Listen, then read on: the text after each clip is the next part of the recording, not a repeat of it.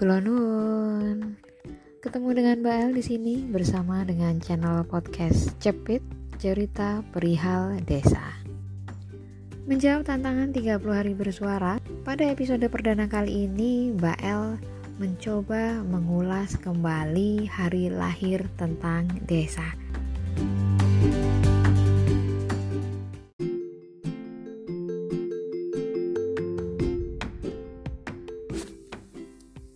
Desa sebagai unit paling rendah tingkatannya dalam struktur pemerintahan Indonesia telah ada sejak dulu dan bukan terbentuk oleh Belanda.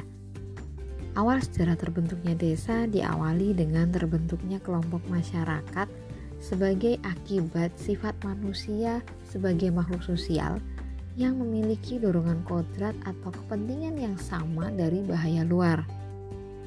Kapan awal pembentukan desa hingga sekarang sulit diketahui secara pasti. Kapan lahirnya kita sebenarnya tidak tahu.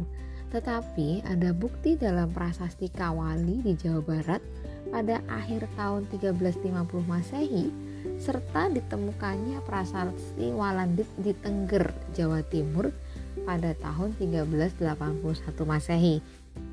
Desa sudah ada jauh sebelum penjajahan Belanda di Indonesia di mana penyelenggaraannya didasarkan pada hukum adat. Nah, setelah Belanda menjajah Indonesia dan membentuk undang-undang pemerintahan di Hindia Belanda atau yang biasa disebut Regeling Reglement, maka desa juga diberi kedudukan hukum.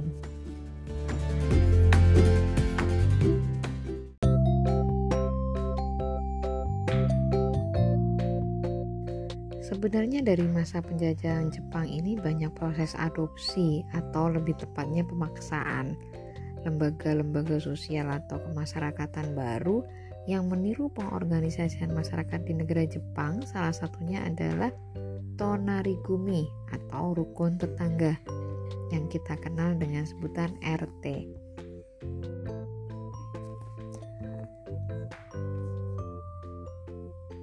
Setelah Belanda menjajah Indonesia dan membentuk undang-undang pemerintahan di Hindia Belanda, maka desa juga diberi kedudukan hukum.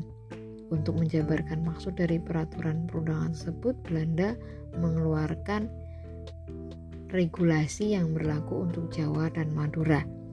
Pada tahun 1924, Regeling Reglement diubah dengan Indices Staatsregeling, tetapi dalam prinsipnya tidak ada perubahan berarti.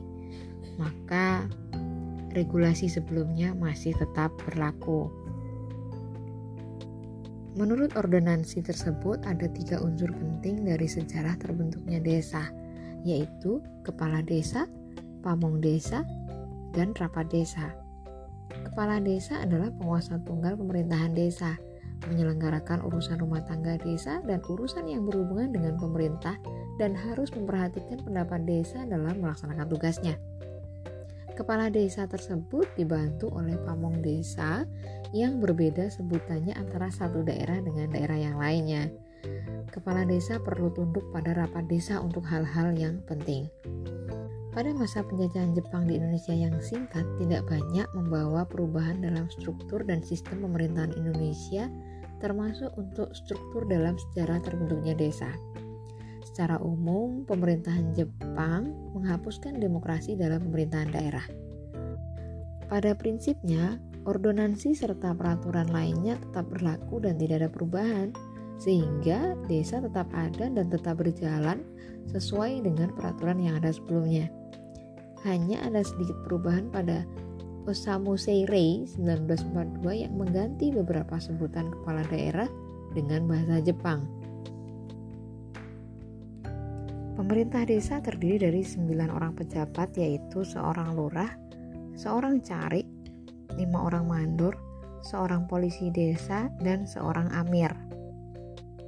Lurah bisa disetarakan dengan village master dalam administrasi pedesaan di Jepang yang bertanggung jawab atas administrasi desa dan mempunyai banyak pekerjaan seperti menyampaikan perintah-perintah dari pejabat tingkat atasnya kepada penduduk di desanya dan sekaligus bertanggung jawab atas pelaksanaannya. Kemudian memungut pajak, menyelenggarakan patroli keamanan dalam wilayahnya, serta memelihara ketertiban desa dan lain sebagainya. Nah, sedulur kira-kira demikian cerita sejarah lahirnya desa pada masa penjajahan Belanda dan masa penjajahan Jepang. Sampai ketemu besok di episode kedua yang kita akan bicara tentang awal mula desa pada masa kemerdekaan. Terima kasih atas atensinya, matur nuwun. Sampai ketemu episode berikutnya.